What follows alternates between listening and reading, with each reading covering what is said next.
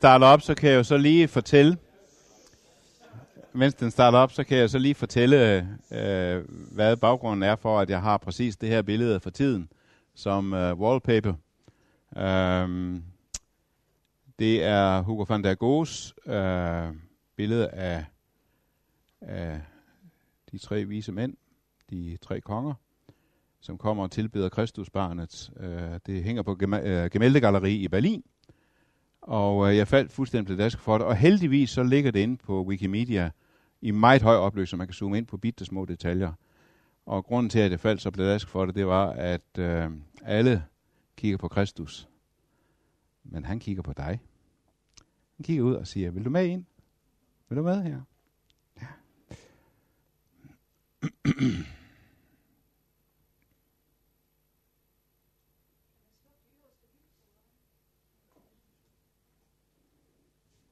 Man kan dæmpe dem. Der er nok nogen, der godt vil have.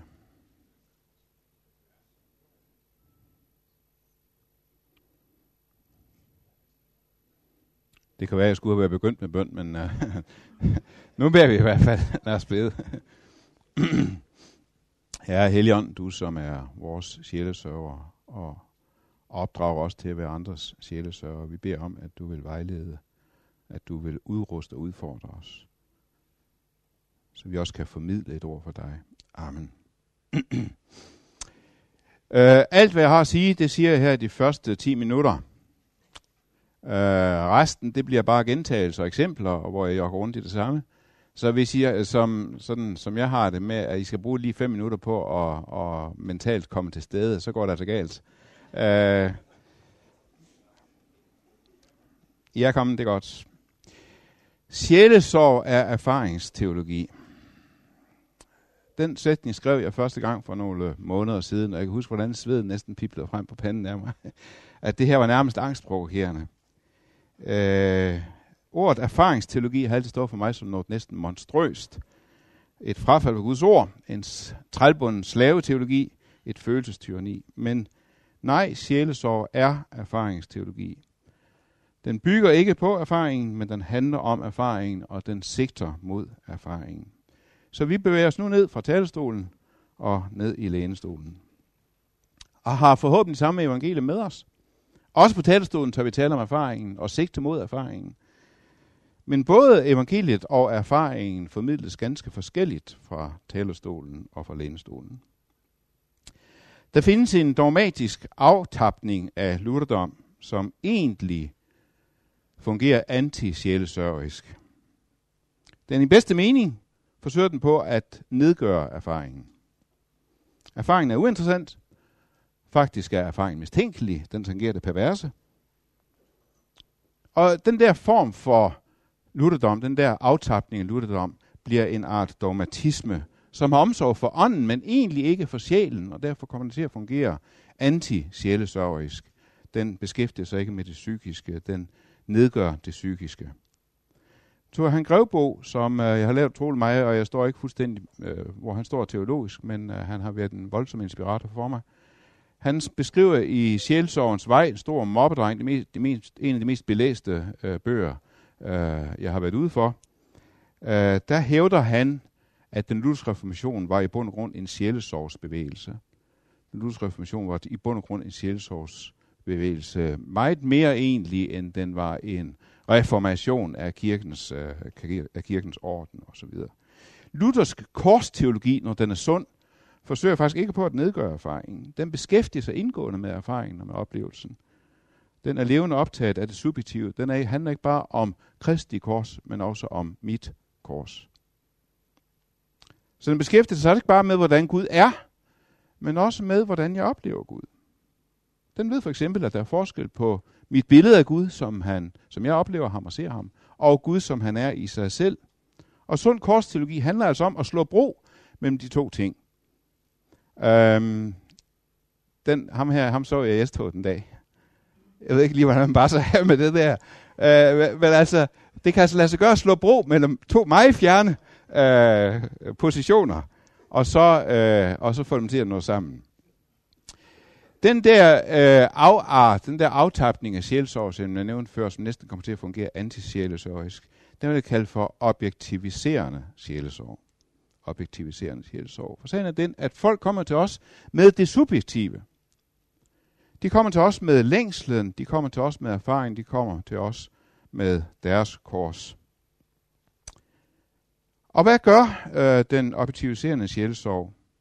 Den vender sig så væk fra det subjektive over mod det objektive.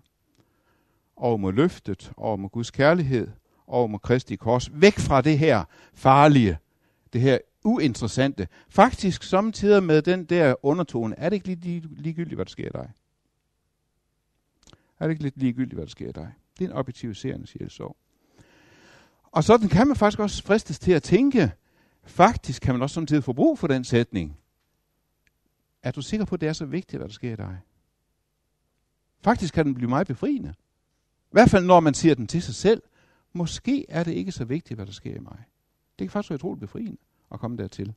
Men vi kan ikke nå dertil på andres vegne og sige, er det ikke lidt ligegyldigt, hvad der sker i dig? Fordi det nedgør dem. Og der er stor forskel på, at man kan sige det til sig selv som en befrielse. Så er det måske heller ikke væsentligere, hvad der sker i mig. Eller at sjælsøren sidder og nedgør, hvad der sker i mig, og faktisk prøver på at, at presse mig væk fra det. For eksempel var der rigtig mange af os, der i vores ungdom fandt ud af, at freden med Gud er ikke en fred i mit hjerte, men en fredslutning mellem Gud og mig i Kristus. Og det var en storslået befrielse, at Kristus døde for mig, mens Gud og jeg endnu var fjender, og Gud har forsonet sig med mig. Men så var der rigtig mange af os, der så var tilbøjelige til at, og nedgøre det her med oplevelsen af fred. Freden i hjertet, Guds fred, som overgår al forstand, som bevarer vores hjerter og tanker i Kristus Jesus. Det er en oplevelse af fred. Det er Guds fred, som overgår al forstand, som bevarer vores hjerter og tanker i Kristus Jesus.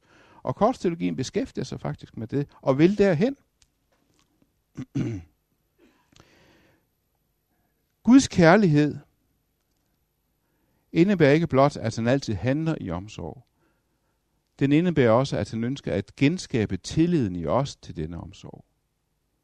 Det er en del af hans omsorgsgerning.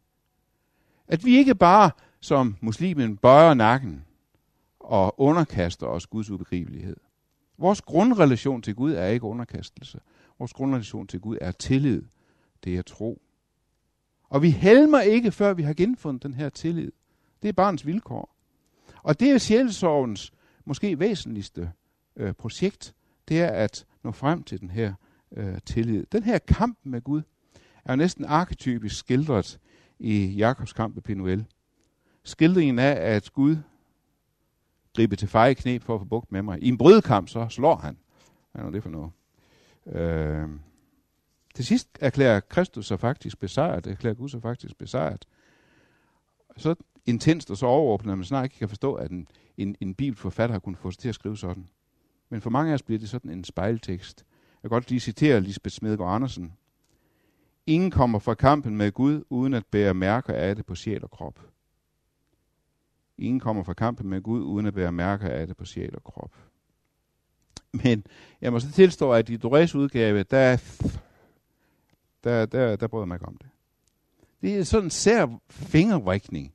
Altså, der er ikke tale om en regulær brydekamp. Der er ikke nogen fornemmelse af knogler, der knaser. Om at herrens engel faktisk er lige ved at tabe.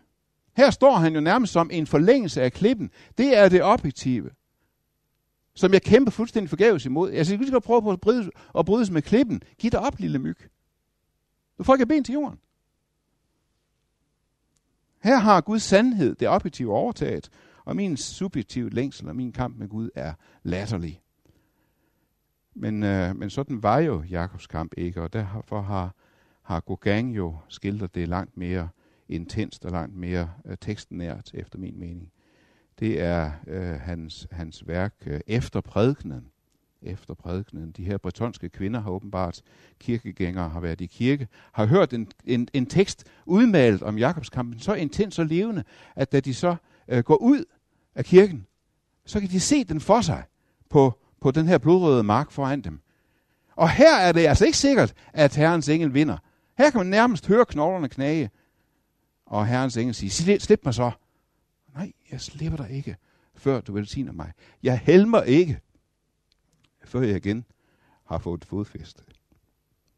Jeg helmer ikke, før jeg igen har vundet tillid til dig. og det er måske også noget af grunden til, den her efterspørgsel efter det subjektive. Det er måske også noget af grunden til, at, at sådan en bog som Mærk Gud er gået rent ind. En glimrende bog, som er vidt åben både for smertens og glædens erfaring af Gud.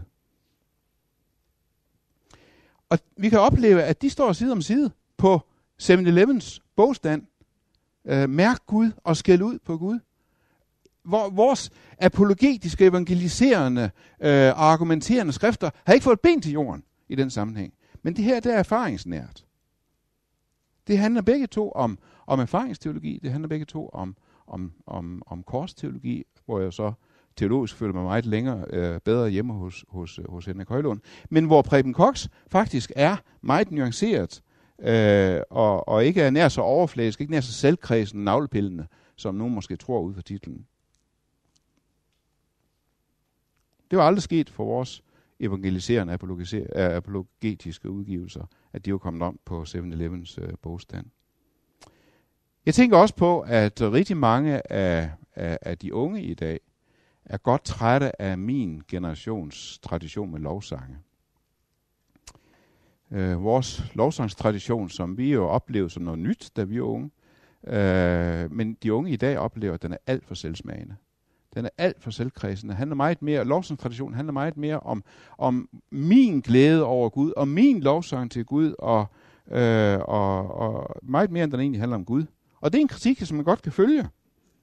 Jeg kan også godt blive træt her i vinden i selvkredsen i lovsangene, hvor Gud næsten forsvinder i min egen begejstring over min egen lovsang. Og så får man lyst til at skulle salmbog. Men og så alligevel, det slog mig faktisk her for nylig, at hvis man går til salmernes bog i Bibelen, så er de lige så selvkredsende, lige så subjektive som vores lovsangstradition. Det handler lige så meget om min oplevelse og min følelse, som det handler om Gud. Det er fuldstændig legitimt, og det kan man så lægge i, hvad man vil, men det gav man faktisk, den der jagttagelse gav man faktisk lidt mere blod på tanden, lidt mere formodighed til at, at, at, at gå tilbage til det, til det subjektive sjælsorg. Hvordan er en korsteologisk sjælsorg? Og der er det rigtigt, at vi går også, vi søger fra det subjektive over i det objektive. Det er fuldstændig rigtigt. Fordi det er der, vi finder fodfæste. Det er der, vi finder tillid. Det er i dogmet, vi finder frihed. Og allerede det er jo en tankegang, som er fuldstændig fremmed for rigtig mange mennesker. De oplever ikke dogmet som noget fast, noget trygt. Og, og hvor jeg jo øh, har, har oplevet det sådan, at, at, at, at dogmet er det eneste, der holder mig i live. Ordet om, at, at Gud er der, ordet om, at han er kærlighed, ordet om, at Kristus er der, at han er kærlighed, uanset hvad jeg så oplever, øh, det er dogmet, der holder mig i live. Men så vender vi tilbage til det subjektive så vender vi tilbage til det subjektive. Det vi spørger efter, når, vi, når, når mennesker møder os med deres subjektive længsel og deres kors, det er, hvad gælder? Hvad gælder? Og det, der gælder, det er det objektive, det er løftet, det er Guds kærlighed, det er Kristi kors. Øhm, og den der formulering, hvad gælder, den, øh, den mødte jeg ikke helt ordret tilsvarende, men, men det var den, der sådan sat, sat øh, mig på sporet af den. En fortælling om Nis Petersen.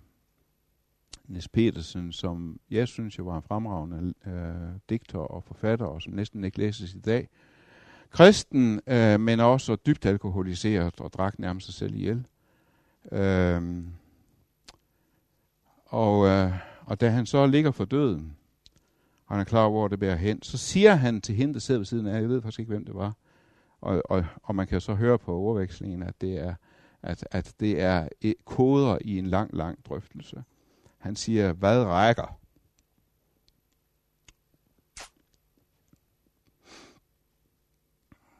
Og så, så siger hun, Jesu Kristi, hans søns blod renser for al synd. Og så siger han, det rækker. Og så dør han.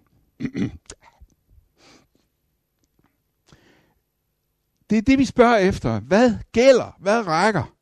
Hvad står fast, når følelsernes kaos, det subjektive, har, har, har låst mig fast? Men så går vi tilbage til det subjektive. og spørger, hvilken forskel gør det for dig? Hvordan lander det her hos dig? Hvad siger det dig? Og det kan være vidt forskelligt, hvordan det lander hos mennesker. Den, den objektiviserende sjælsørger, han vil jo, jeg skal lige have stoppet den der. Den objektiviserende sjælsørger, han vil jo ase og masse for at få sig derover. Ikke også? Og så når vi kommer derover, så kigger han på uret, rejser sig op, byder hånden til farvel og siger, det gik jo godt. Vi landede, hvor vi skulle, ikke også? vel, tak for i dag. Objektiviserende sjælsorg. Det bliver sådan en slags coitus interruptus. Øhm.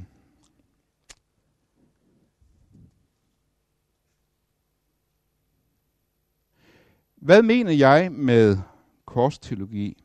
Hvad mener jeg med herlighedsteologi? Og nu kommer der altså lidt en repetition for forhåbentlig de fleste af jer.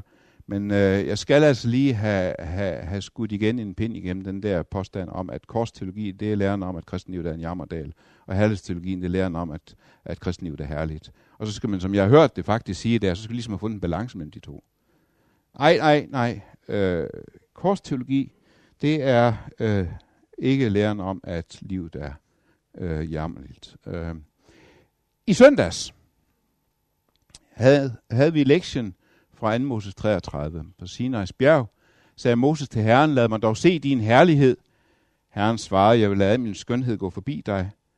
Jeg vil udråbe Herrens navn foran dig. Jeg viser noget mod, hvem jeg vil. Øh, og forbarmer mig over, hvem jeg vil. Men han sagde, du får ikke lov at se mit ansigt, for intet menneske kan se mig og beholde livet. Og Herren sagde, her hos mig er der et sted stille på klippen. Når min herlighed går forbi, stiller dig i klippespalten og dækker med hånden for dig, til jeg kommer forbi. Derefter tager jeg min hånd væk, så du får mig at se fra ryggen. Mit ansigt må ingen se. Og det er korsteologiens øh, øh, ja, hovedtekst. Eller, ja. Jeg så den faktisk illustreret, for det ikke skal være løgn, i et gammelt manuskript fra 1430. Et pergamentmanuskript, hvor Moses Altså normalt så ser man de her horn, Moses påstår sig at have, altså for som, små antydninger. Øh, men er altså ordentlige tyrehorn. Det er jo, det er jo en gammel, øh, det er en gammel fejloversættelse af, hvor Vulgata har læst ordet for stråle som horn. Det er en, man har forvekslet det hebraiske ord for stråle over for, orden, for horn, da, da så Moses havde ansigtsfuld stråle, så er det læst, Vulgata læst, som om han fik horn. Så derfor så også i domkirken i København, der har Moses horn. Uh, men her der er sådan på, men, men her ser han Gud fra ryggen. Her ser han Gud fra ryggen. Og der er det så, at Luther i sin præsentation af korsteologien siger, vi ser Gud fra ryggen. Vores længsel er at se ham i ansigtet. Vores længsel er at se hans herlighed direkte, følbart, erfarbart og mærkbart. Det er vores længsel. Og herlighedsteologien sidder fast i den der længsel, og tror kun på den herlighed, man kan se, føle, mærke og erfare. Men korsteologien ser ofte, ikke altid, ikke altid, men ofte Gud for ryggen. Og derfor handler korsteologi ikke bare om Kristi kors, men det handler om mit kors. At Guds måde at møde mig på bliver et kors for mig. Det bliver en frustration, en længsel, en sorg. En kamp med Gud, hvor jeg bliver halt, og man klamrer mig til ham for at holde mig oppe.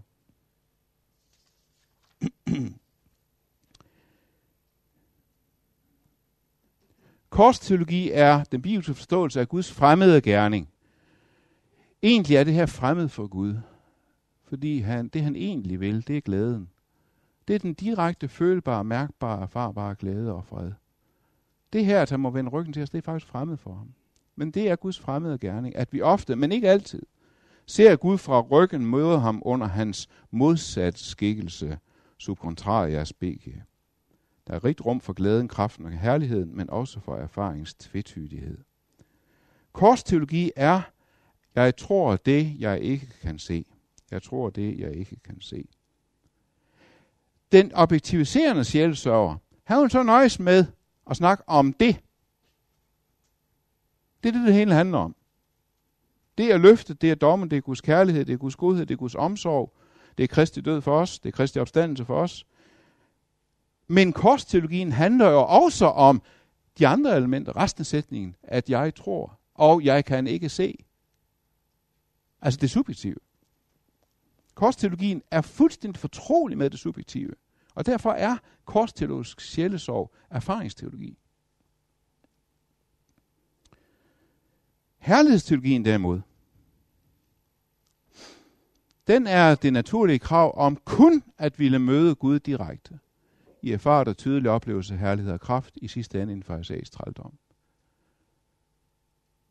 Og derfor er til syvende og sidst herlighedsteologien en fattig teologi. Det er en fattig tro. For den tror kun på sin rigdom, når den kan se den, mærke den, føle den og erfare den direkte. Herlighedsteologi er, at jeg tror kun det, jeg kan se.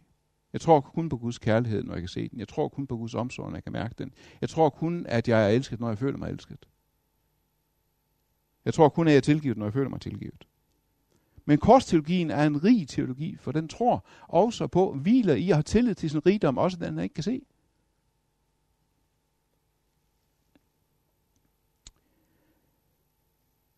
Den objektiviserende sjælsørger, han kommer let til at modsige oplevelsen af Guds skjulthed.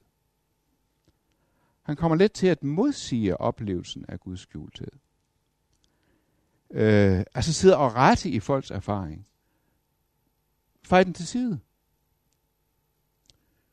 Og her kommer så igen, øh, tog han Grevbo her i øh, en af hans nyeste bøger, Guds masker i sjælsorgen. Jeg vender lige tilbage til den senere. Guds masker i sjælsorgen. Han har genfundet øh, talen om larve, det er i Guds masker, og jeg skal komme tilbage på det øh, til det senere. Men der har han den her påstand, at 80% at den bestilte sjælesorg springer ud af erfaringer med den skjulte Gud i en eller anden form.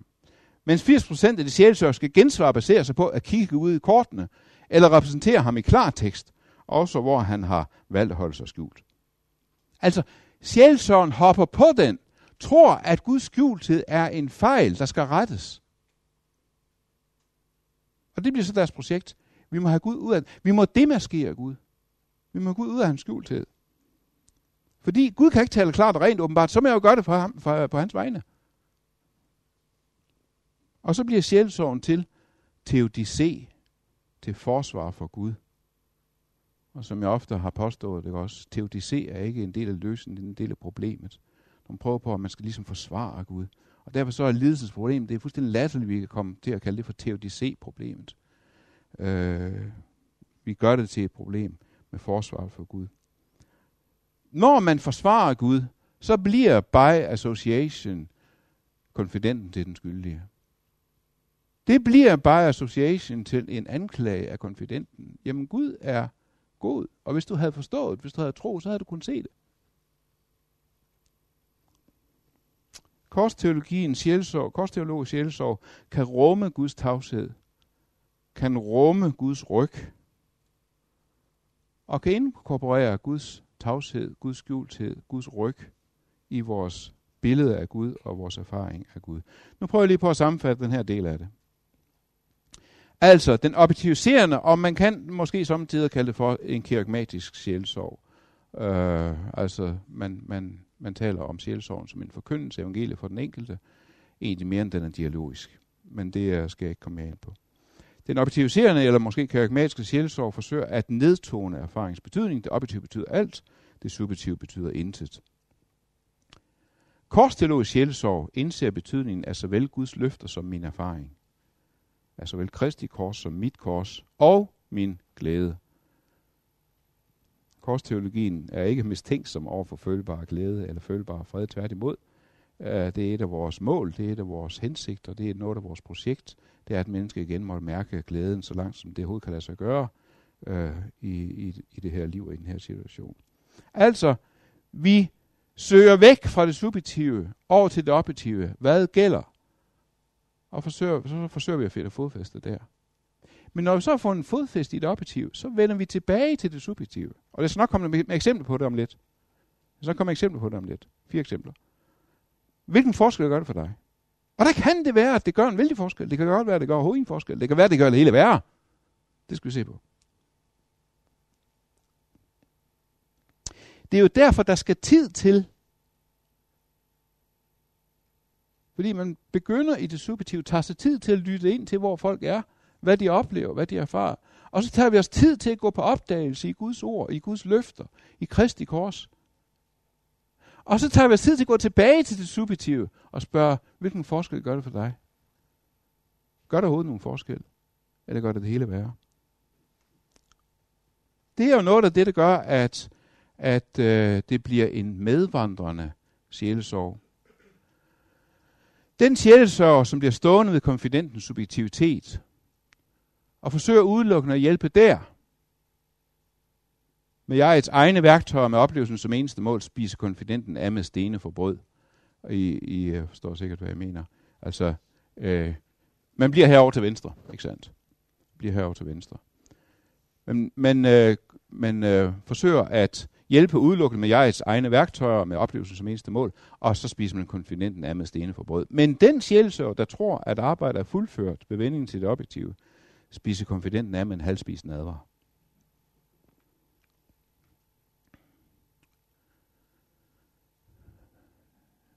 Hvad mener jeg lige med medvandring? Autentisk medvandring indebærer ikke, at man taler om sig selv. Overhovedet. I vores drøftelse her i formiddags, der var en, jeg tror det var Kurt, der nævnte, uh, Kurt Christen, der nævnte, uh, det der, at det er vigtigt, også i forkyndelsen, at komme med eksempler for ens eget liv. Og det er fuldstændig rigtigt. Det er det på talerstolen, ikke i lænestolen. Aldrig nogensinde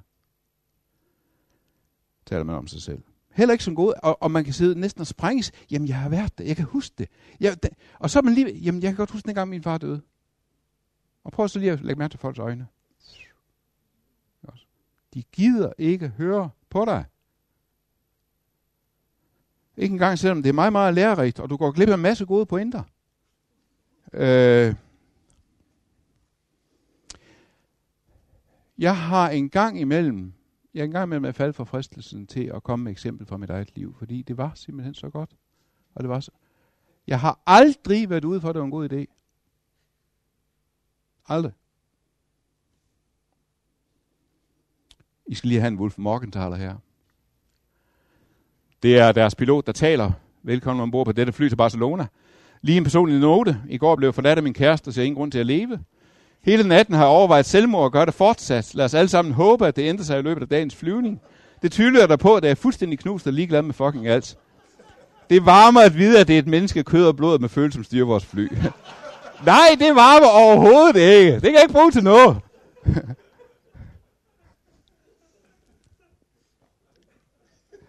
Så lad være.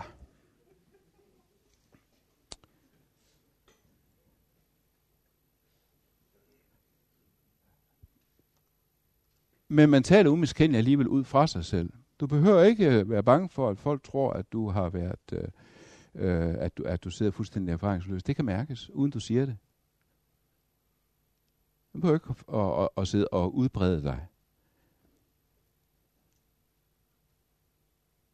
Jeg ved ikke, om I har prøvet at sidde i til en familiefest eller anden, komme sammen så, og, og, og, snak, og snakke med folk. Og, og så, så begynder det jo og, og sådan, ja, hvor laver du? Og så fortæller man sådan, uh, nogle folk, man ikke rigtig kender måske. Og, og, og, så, og så efterhånden, som de opdager, at du faktisk lytter, bliver de ved. Og bliver ved.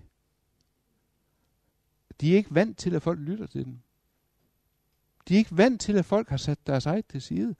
Og derfor, når du falder for fristelsen til at komme i dit eget, så får du den oplevelse, okay, så sidder jeg her alligevel kun som en knage til at tænke sit eget op på. Han er alligevel mest optaget af sig selv. Og det der med, at, de er faktisk, de, at du faktisk holder dit eget tilbage, det er for rigtig, rigtig mange mennesker noget fuldstændig fantastisk. De er ikke vant til det. Det er anerkendelse, som jeg skal komme ind på på torsdag. Det er anerkendelse. Selvom det er fuldstændig tavs, så oplever du det som anerkendelse. Du kan rumme deres situation, du kan rumme deres sorg, du kan rumme deres forvirring, deres vrede, deres kaos. Og anerkendelsen er en af de vigtigste motorer overhovedet i sjælsorgen.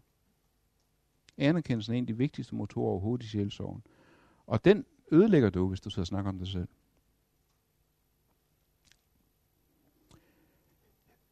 Så indebærer det også en ting mere, at hvis medvandringen skal være ægte, så, indgår, så udgør den også en reel risiko for, at man får en tid selv mister fodfæstet.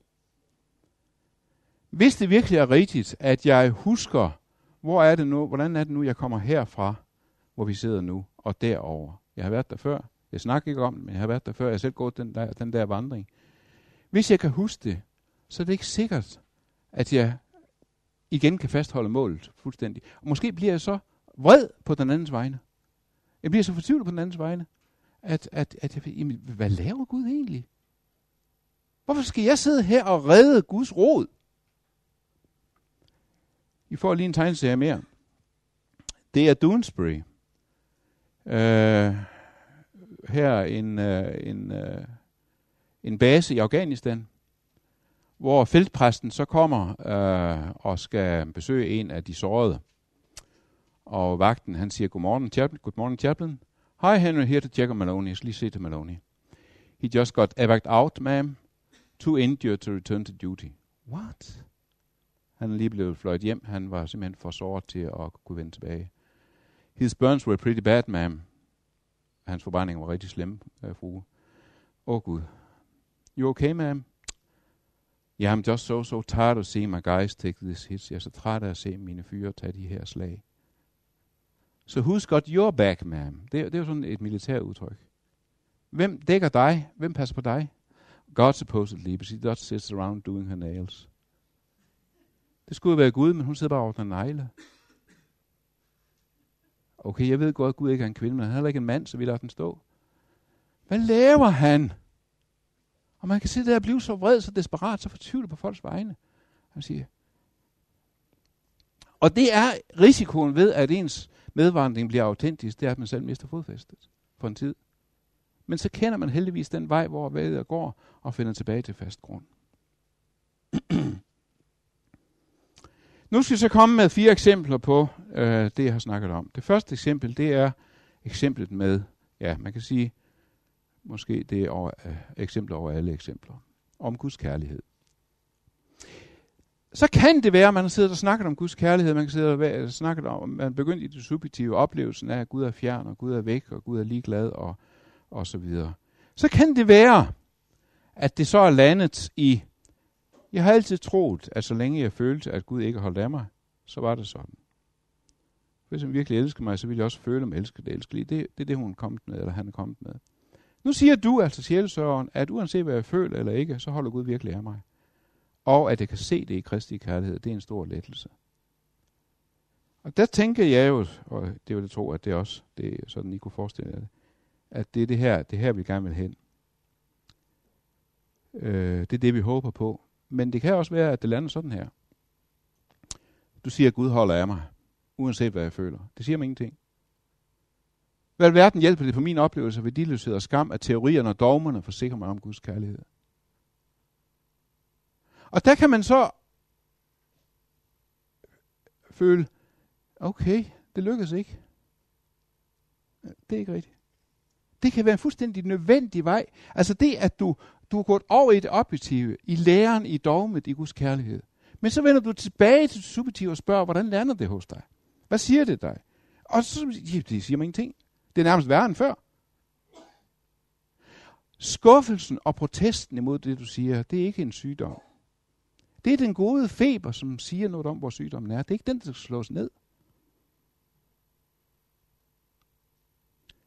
Skuffelsen eller protesten er ikke tegn på en mislykket protest. Øh, en mislykket proces. Tværtimod kan det være først nu, det begynder at rykke i mennesker. Fordi de har været vant til det der. Det, det er det, der ventes af dem. Og du kan da komme ud for, at folk for hurtigt kommer frem til det der. Jeg siger, de, de, de, de kom næsten utroværdigt hurtigt frem til det der trygge, glade osv. Hvorfor? Jo, fordi de ved, de tager din tid. Og de vil gerne belønne dig for dine anstrengelser. De vil gerne være dygtige konfidenter. Og derfor vil de gerne sige det, du venter, det du håber. Det der. Men måske skal du lige spise brød til og sige, er det i virkeligheden det her, der ligger i dig? At jeg er fuld af vrede og protest imod det, du siger. Og hvis det er det, hvis det kommer op på bordet, så kan det være det, der rykker. Og det kan være, at det rykker sådan her, og jeg skal på torsdag sige noget om ambivalens, ambivalens. Og det er måske endda det hyppigste. Jeg er faktisk både lettet og skuffet på en gang. Jeg er lettet over, at min oplevelse af Guds fjernhed ikke har ret. Jeg er lettet over, at Guds kærlighed faktisk er der, at den er et evigt faktum, og at jeg ikke kan miste den. Men jeg havde nok håbet på at kunne mærke det lidt mere. Så jeg er både lettet og skuffet på en gang. Det er ambivalens. Og det, at du kan rumme alle slags reaktioner, uden at sætte dig til dom, uden at blive utålmodig, uden at blive belærende, det er anerkendelse. Det er anerkendelse. Det er medvandring. Det er også det første eksempel. Øhm, ja, jeg skal passe på tiden. Øh, jeg tror, vi skal holde pause nu, 10 minutter, øh, og så fortsætter jeg lige om lidt.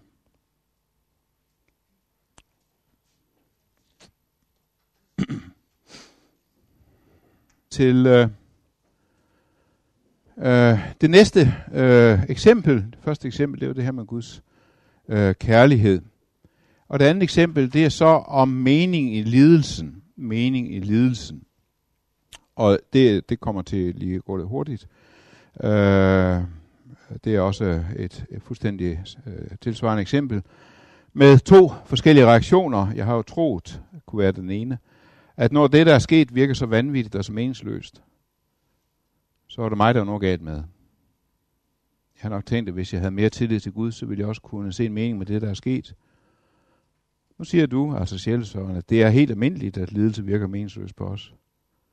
Og Gud ikke på noget tidspunkt har sluppet mig. Så kan jeg godt leve med, at jeg stadig ikke kan se nogen mening med det.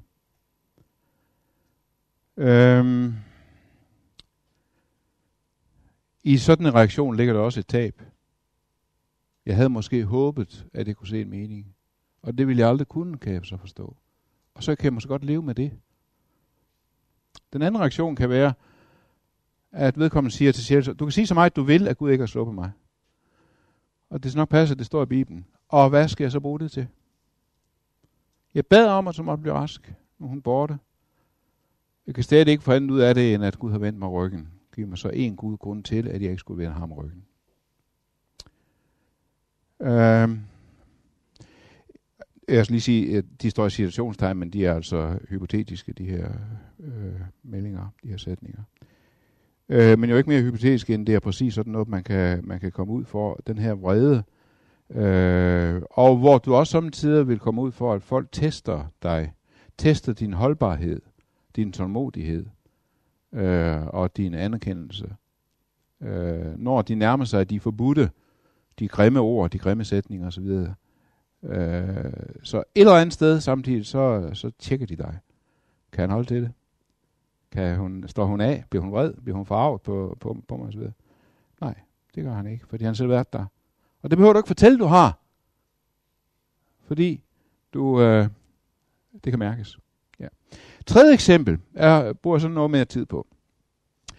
Det er så om skyld og tilgivelse. Og det er jo et af de øh, steder, hvor, hvor nødvendigt det er med denne vending hen imod det objektive, viser sig ikke mindst i spørgsmål om skyld og tilgivelse. Der var en af pausen, der sagde, nu glæder jeg mig til snart at komme til formid- det med formidlingen. Ouch. Det er for så vidt det, jeg snakker om hele tiden. øh, øh, altså, fordi vi, vi vender os til det objektive, det er det, vi gerne vil formidle. Men det er en dialogisk, det er en cirkulær øh, formidling. Ja. Uh, det er igen det der med at rumme folks reaktioner. Øh, mange forveksler nemlig deres oplevelse af skyld med skyldens virkelighed. Så længe de ikke føler skyld, har de heller ikke noget problem. Så længe de ikke føler tilgivelse, har de heller ikke nogen tilgivelse. Altså, de sidder fast i det subjektive. Og den sjælsår, der så prøver på udelukkende at arbejde med oplevelsen af tilgivelse, for ligesom at, at, at reparere på Guds skjulthed, sådan at folk kan føle den her tilgivelse. De giver stenene for brød. Det handler om at vende sig til det objektive. Vende sig hen til det, øh, der, der, der holder, det der gælder, det der rækker. Øh, det er øh, noget objektivt. Det er helt afgørende at, at, at få sagt, at skylden er noget objektivt. Uanset om du føler den eller ej, så har du den, så er den der. For kan vi ikke få det sagt, så kan vi heller ikke få sagt det næste, at tilgivelse er noget objektivt. Uanset om du føler den, så har du den. Hvis vi siger, at vi ikke har synd, fører vi selv på vildspor, og sandheden er ikke i os. Synden er et faktum. Den er objektivt. Men hvis vi bekender vores synder, er han trofast og retfærdig, så han tilgiver os vores synder og renser os for al uretfærdighed. Det er også noget objektivt. Dine synder er for tilgivet. Basta. Det er helt afgørende. Skylden er måske det eneste problem, vi alle har til fælles. Uanset om vi oplever det eller ej, så har vi den. De andre problemer, de kommer og går alt efter, hvordan vores liv nu er, vores sind nu er, hvor meget vi nu lider under det. Men det, at skylden er noget objektivt, og at tilgivelsen er noget objektivt, betyder ikke, at så er det ligegyldigt, hvad der sker i dig. Så er det flørtende ligeglad, hvor meget du nu har tillid, hvor meget du nu hviler i det, hvor meget du nu har fred, og så videre. Tilsigelsens virkning, det er tilgivelsen. Men hvorfor den så ikke bliver til fred og befrielse, det er et helt andet spørgsmål. Og det spørgsmål skal adresseres lige så omhyggeligt og lige så omsorgsfuldt. Det er netop et af de steder, hvor jeg kan sige, at korsteologien er rig, fordi den tror på, den har tillid til, den hviler i, glæder sig over ting, den ikke kan se. Jeg kan ikke mærke mig tilgivet, men jeg tror, den er der. Og herlighedsteologien er fattig. Øhm, nu skal jeg lige passe på her. I får et, øh, to, to eksempler på det her eksempel med det her med, med, med skyld og tilgivelse. Det ene, det er en øh, lidt ældre herre, Joachim Scharfenberg, samtalen i fokus, den sjælsøjske samtale i teori og praksis. Øh, vældig øh, dygtig øh, bog. Øh, ligger noget fra, fra min position. Han er nærmest psykoanalytisk i sin øh, tilgang. Han fortæller så en case fra sit eget liv. Det må man gerne i undervisninger i bøger. Øh, I taler som også. Prædikner. Øh, hvor han fortæller om, at han engang selv, øh, lige fra eksamensbordet som ung, nybagt hjælpepræst i sygehushjælpsåren, mødte en kvinde, der forbragte ham det ønske, at måtte komme til et individuelt skriftemål. Der blev aftalt en tid, hvor skriftemål så fandt sted i overensstemmelse med ritualbogens ordlyd. Kvinden bekendte sine svære skyldfølelser over en ringe forsøndelse som ejendomsretten, der lå 10 år tilbage i tiden. Ja, hvad, har hun hugget den is, eller hvad?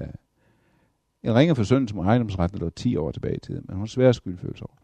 Hun blev med håndspålakkelse på Herren Jesu Kristi vegne og efter hans befaling tilsagt denne synds tilgivelse. Fint. Men den næste dag bad hun imidlertid igen om en samtale, og gav udtryk for, at skriftemålet på ingen måde havde befriet hende fra de pinefulde skyldfølelser, hvorfor hun tvivlede på, om sjælsommeren overhovedet på grund af sin ungdom og manglende erfaring, kunne udføre sin tjeneste med den ønskede virkning. Hun fortalte, at hun ganske vist allerede 14 gange tidligere havde foretaget det samme forsøg hos forskellige præster med samme negative resultat. Øhm. Øjeblik. Man skal ikke lave om på sine ting. Slet ikke, når man har slides.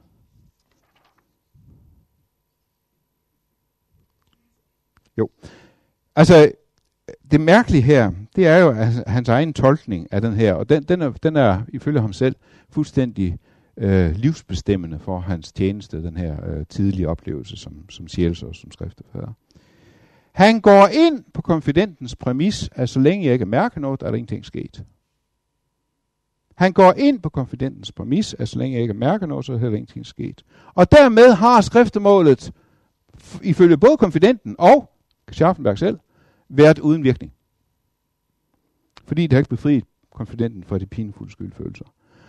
Øh, han har så en kommentar til det senere hen. Hvordan fortolker han det selv? Når mennesker af sig selv kommer til sjælesånden for at skrifte, må det derfor omhyggeligt efterprøves, om der ikke skulle være en skjult sygelig proces til sæde, så ville det betyde, at gennemførelsen af skriftemål, såvel som tilsigelse og syndernes forladelse, naturnødvendigt ville være uden virkning. Fordi det, at han måske som ung og uerfaren sjælesøger ikke har foretaget den her vending omkring det subjektive, men er blevet over i det objektive, ganske som de andre 14 sjælsøger. Det falder ham ikke ind. Øh, og derfor så er han i resten af sin tjeneste, åbenbart resten af sit liv, dybt skeptisk over for enhver, der af sig selv kommer til skrifter. Der er nok noget galt. Der er et eller andet sygeligt der. Også. Altså, ellers ville de ikke komme og være så øh, betynget af det her.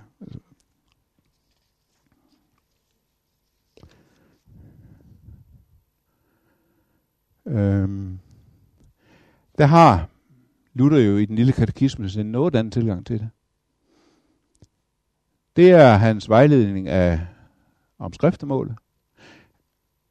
Den udgave af den lille katekismus, jeg blev konfirmeret efter, manglede hele afsnit om skriftemålet. Det var simpelthen skåret ud, fordi det brugte vi ikke mere. Heldigvis er det kommet tilbage. Så siger han, så skal skriftefaderen sige, Gud være dig nådig og styrke din tro. Amen. Derefter siger skriftefaderen, tror du også, at min tilgivelse er Guds tilgivelse? Ja.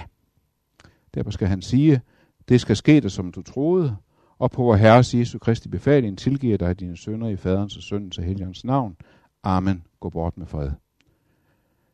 Tilsigelsens virkning er tilgivelsen. Længere er den ikke. Men så vender Luther sig tilbage til det subjektive og fortsætter. Men den, som har store samvittighedskvaler, eller er bedrøvet og anfægtet, vil en skriftefader eller moder nok vide at trøste med flere bibelord og opmuntre ham til troen. Det skal kun være en sædvanlig måde at skrifte på. Han har nemlig sans for den vending tilbage til det subjektive. Den lutherske reformation er en sjælsårsbevægelse. øhm, øh, det var mit første eksempel, det her med Scharfenbergs oplevelse, øh, hvor både han og konfidenten for så vidt blev enige om, at det her, det her skriftemål, det var uden virkning. Fordi de ikke, de ikke tager sig tid til den her vending tilbage til det subjektive. Det andet eksempel, det er fra Hans kirksfiskerne, Som jeg på mange måder synes er en fremragende roman. Det må jeg sige. Øh, Hans kirke holder faktisk af sine fiskere. Og skriver faktisk med dem, så vidt jeg læser den, med stor omsorg og stor respekt. Og forstår dem ikke. Øh, men øh, men, øh, men han, han kan faktisk lide sine fiskere. Og øh, ja. Jeg tænker jo tit på, på fiskerne, når jeg ser Niels Bjerres maleri er fantastisk. Det hænger ned på Aarhus. Øh, Guds børn. Ham forrest til venstre, ham tænker jeg, det, det er Anton Knupper. Det er Anton Knupper, den her stovte fisker, som har blevet kæreste med Katrine på Kron, og som nu har fået svare kvaler med kødets lyster, Øh, og, og, og så er de ude at stange ål. Thomas Jensen og han, Thomas Jensen, som er, er fiskernes, de troende fiskers leder. Øh, og, og så smider pludselig Anton Knopper øh, den, det her ålejern. Det er ikke let at forstå, svarer Anton Knopper, og tænderne klapper i munden på ham. Men da jeg ville støde jernet ned i hullet, øh, jeg sige, Hans Kirke han er ikke specielt subtil i sine metaforer. Torsk. Nå, men da jeg ville støde ned i hullet, blev jeg grebet af en forfærdelig skræk. Jeg tror ikke, jeg tør stange ål mere. Jamen, der er ingen far ved den ting, sagde Thomas Jensen. Nej, det ved jeg så vel, og jeg kan heller ikke sige, hvad det betød, men det er meget ringe med mig. Om du vil høre på mig, Thomas, vil jeg gerne søge råd hos dig, for efter Pastor Thomsen er du, den, er du nu den klogeste mand, jeg kender. De har deres hierarkier. Jamen, så sig det rent ud, som det er. Det hentede en gang nu i efteråret, at jeg var nær ved at forgribe mig på Katrine. I sidste øjeblik stødte min hånd på et bitte sølvkors, som hun bærer på sit bryst. Jeg forstod nok tegnet, der skete ingen skade. Men kan jeg vel tænke, at jeg var meget angerfuld og gjorde alt, hvad jeg kunne for at aftvætte synden.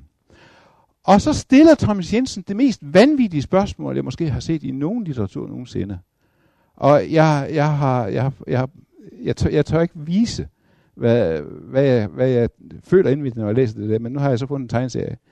Øh, det, der, det der, det er mig, når jeg, når jeg læser, hvad Thomas Jensen nu siger. Fik du så ikke tilgivelse? Nej. Jeg kunne ikke mærke noget.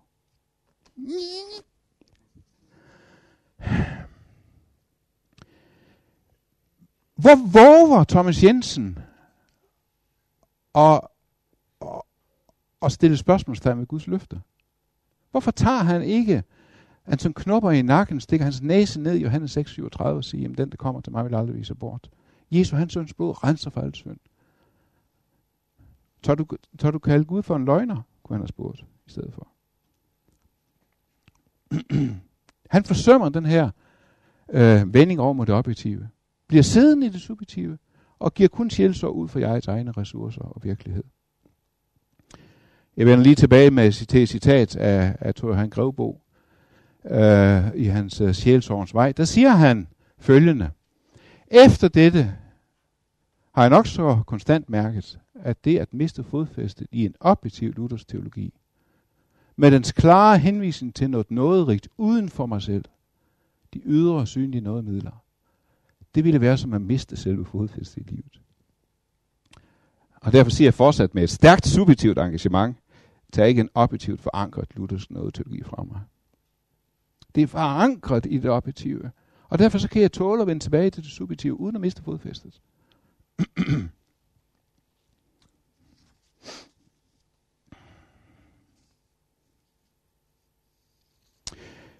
Det fjerde eksempel, det er Guds billedet.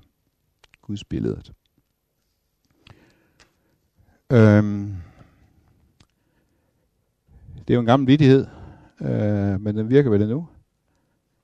Matisse, billede så sine pas en pipe, det er ikke en pibe. Og folk har sagt, hvad, hvad mener han? Tager han gas på os? Det, det er der en pipe. Det er, nej, det er ikke en pibe. Du kan ikke tage øh, den i hånden, du kan ikke stoppe tobak i den, du kan ikke ryge på den. Det er et billede af en pibe. Det er et billede af en pibe. Og det er det, han vil sige med det. Der er forskel på en ting og et billede af en ting. Der er forskel på billedet af Gud og Gud, som han er i sig selv. Og en af de chokerende ting, man kan opleve som sjælesørger, det er på et tidspunkt, så går det op for en, konfidenten jeg sidder og snakker med sin Gud. Jeg sidder og snakker om Gud og prøver på at tale om Gud, og opmuntrer til at tro på Gud og stole på Gud og Bibelens Gud og Jesus og, og, og så videre. Og konfidentens billede af Gud, det er en grusom løftesvægter, som ikke holder sine løfter. Og det, at jeg ikke kan skelne mellem Gud, som han er i sig selv, og billedet, som konfidenten har af Gud, og billedet, som jeg har af Gud. Og ikke engang mit billede af Gud er nødvendigvis øh, ufejlbarligt. Den der den, manglen på evnen til at skælne, det er en af de øh, ja, herlighedsteologiske kortslutninger. Og øh, nu kommer jeg så igen til den, nævn, den jeg nævnte før, den anden bog af Thor Han Guds masker i sjælsorgen. Larve, det er, det er noget, som Luther øh, også formulerer øh, sin, øh, sin korsteologi i, øh, billedet af Guds masker. Maske hedder jo på latin persona. Og vi tænker jo tit på masker, det, det er noget, vi må af med. Masker, det er noget, der skjuler. Vi, vi, vi bærer alle sammen masker. Det er noget forfærdeligt noget, vi skal være ærlige og åbne osv. Men, men masken er jo i det klassiske teater øh, også den, der viser, hvem jeg er. Jeg, det er den, der definerer mig som person. Persona, det er den maske, jeg tager på, og så viser jeg, hvem jeg er i, i, i uh, tragedien eller komedien i, uh, i, den, i det antikke teater. Og sådan har Gud masker, hvor han viser, hvem han er, og skjuler, hvem han er. Det er åbenbaringsteologi. Han viser, hvem han er, og han skjuler, hvem han er. Og der har øh, du han Grevbo, han har en tidligere udgivelse øh, som et særnummer af Tidsskrift for Sjælesorg, men så øh, for nogle år tilbage, men nu har han så udfoldet i en selvstændig udgivelse, Guds Maske i Sjælesorg, hvor han fortæller om, hvordan Gud har vist sig og skjult sig først og fremmest i Kristus. Hvor Gud både har vist sig, viser sin kærlighed, viser sin frelse, viser sin omsorg, men også skjuler sig under sin modsætning, skjuler sig som et menneske, skjuler sig som dødelig osv. Men også har Gud øh, maske på i skaberværket, hvor han viser, hvem han er, men også skjuler sig. Historien, mennesket, medmennesket, relationerne, galskaben og paradoxerne, kirken, sproget og djævlen som end, er alt sammen Guds masker. Øhm. Og der har jeg lyst til lige at vise jer, øh, øh, det er bare et eksempel på en tradition. Øh, ikonen øh, ikon med Veronikas svededu. Kristus er jo Guds masker over alle. Han er Guds ikon.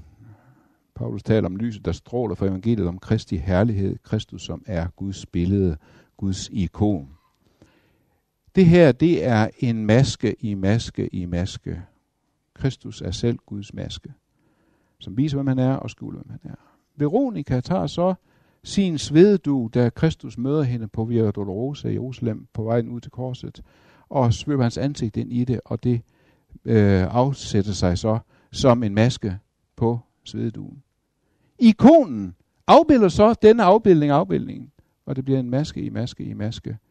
For den russiske øh, ikontradition, så er det jo ikke bare en afbildning af Gud, men Gud er i ikonen. Guds guddom, guddommeligheden er øh, skjult til stede i ikonen. Og øh, det kan vi jo så mene om, hvad vi vil.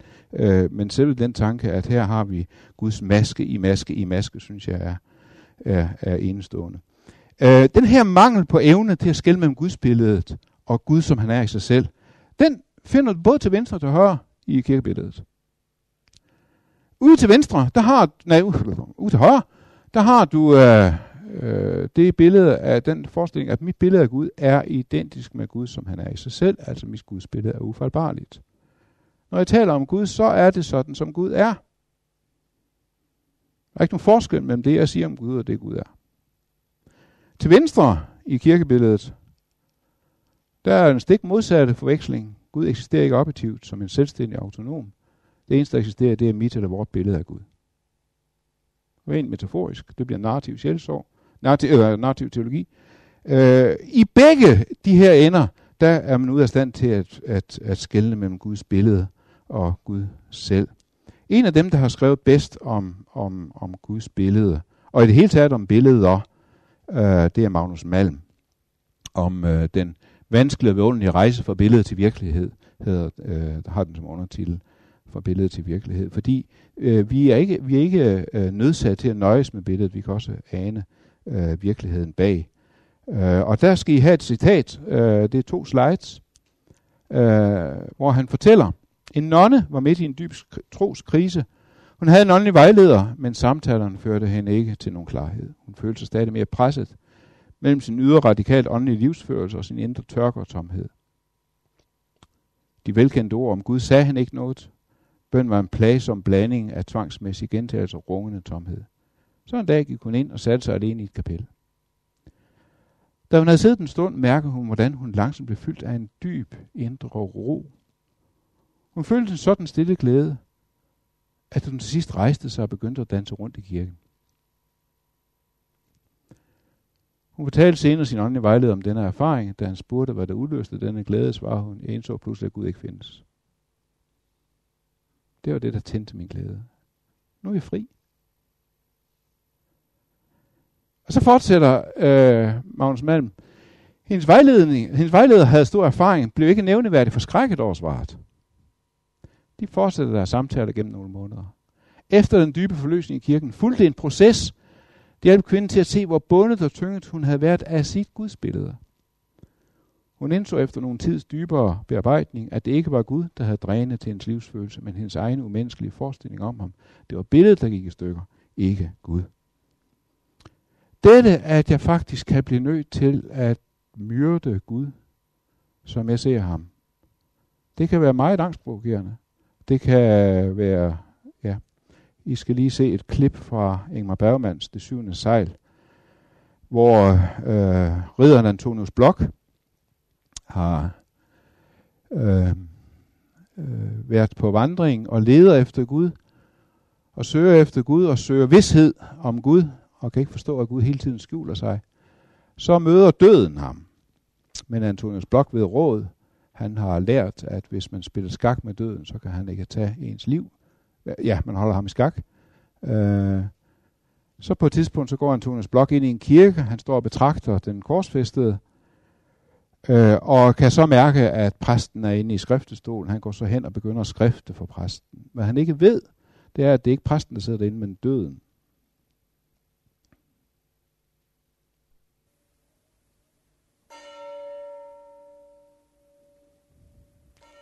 Ja, det er det.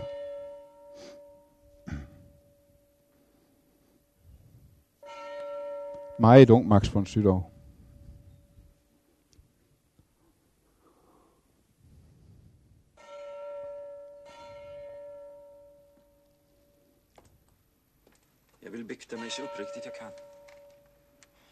Hjertet er tomt. Och tomheten är en spegel vänd mot mitt eget ansikte. Jag ser mig själv grips av vedervilje, av skräck.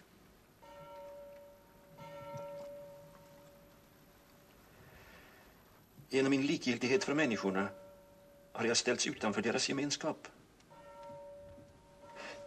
Numera lever jag i en spökvärld, innesluten i mina drömmar och fantasier. Och trots det vill du inte dö? Jo, jag vill. Vad väntar du på? Jag vill ha vetskap. Du vill ha garanti? Kalla det vad du vill.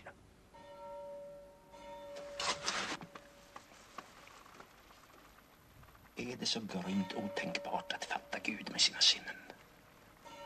Varför ska han gömma sig i en dunstkrets av halvuttalade löften och osedda under? Hur ska vi kunna tro på de troende när vi inte tror själva? Vad blir det av oss som vill tro men inte kan? Och vad blir det av dem som varken vill eller kan tro? Varför kan jag inte döda Gud inom mig? Varför lever han vidare inom mig på ett smärtsamt och förödmjukande sätt trots att jag förbannar honom och vill vräka ut honom ur mitt hjärta? Der er meget, der tyder på, at øh, Antonius Blok er Ingmar Bergmans øh, alter ego. Øh, at det er hans egen kamp med, med tro og, øh, og længsel og tvivl. Hvorfor kan jeg ikke dræbe Gud? Det var da en fuldstændig vanvittig idé. Gud er da død, man kan ikke slå Gud ihjel. Hvorfor kan jeg ikke dræbe Gud? Jo, men det var måske det, han skulle have gjort. Det var måske det, der skulle have lykkedes for ham. Det lykkedes ham så ikke. Den Gud, han selv har skabt, er åbenbart udødelig. Han kan ikke slå ham ihjel.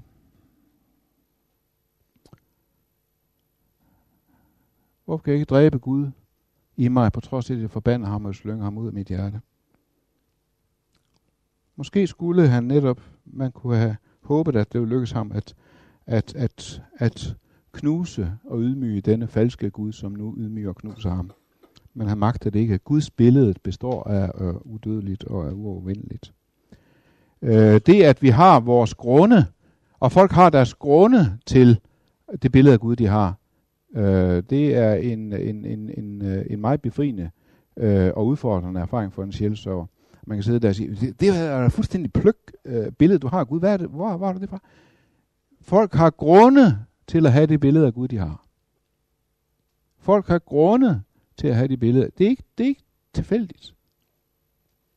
Øh, en af de, sådan, det er sådan en lille genistreg, Jens Blendstrup, en lille roman, der hedder Gud taler ud. Øh, Gud, øh, det er hans far, en psykolog, eller som han kalder ham, sjælegramser. Øh, og øh, helt konsekvent hele romanen igennem kalder han, Gud, øh, kalder han sin far for Gud. Og det giver nogle, øh, nogle øh, ret ubetalelige øh, sætninger. Øh, I får de to slides her. Gud venter på pensionen. Det drejer sig om dage nu. Der er sket det heldige, at Gud har fået den førtidspension. Uden at være døende eller lemlæstet. Han studerer 15 år og arbejder 15. Nu må det være nok. Ikke fordi Gud ikke har været dygtig. Gud har skrevet interessante psykologiske artikler og hjulpet mennesker på sin vej, men Gud er ikke et menneske, som kan slippe sine patienter. Han bærer den ligesom med sig, hvor han går. Og årene er det blevet til mange mennesker, der sådan er kommet ind i Guds billede og blevet der i form af sår, som Gud kalder det, når han skal være ensom. For dybest set er Guds kærlighed ret stor. Han kan bare kunne vise den i serier. Og patienter, der lider, skal jo have det meste af Guds kærlighed, al den stund, at Gud er ansat til at hjælpe disse patienter. Hvorfor Guds egen familie må tildeles lidt færre kærlighedsserier og det ved Gud godt. Men hjælper det at tage den slags debatter op, at vi ikke alle er syndere, har vi ikke alle tæsket hulrum eller et marsvin på livets oplyste gade. Alle mennesker har fejl, og Gud er sikkert endnu flere. Der er godt tre år til den store dag. Ingen aner, hvad det vil betyde, men det er som om Guds hænder allerede sidder mindre løse. Det er som om, der er en lethed på vej, et tøbrud mellem sjælene på Blommunkevej. Og det sker en aften, at Gud tilkalder alle sine sønner og beklager sine fejl. Ikke betingelsesløst, fordi jeg skulle nu drys, men næsten. Om det er ventetiden, ved Gud ikke, men det er som om hans epilepsi tager Og så videre. Altså, I skulle næsten prøve at læse den. Den er ubetalelig morsom, øh, fordi, fordi han begår den her genistreg og er fuldstændig konsekvent i, mit billede af Gud er min far. Og det er så det, øh, som Freud, øh, øh, øh, hvad hedder det, ekstrapolerer til det helt vanvittige, at der ikke findes anden Gud end, øh, end, end øh, vores projektion, vores faderprojektion.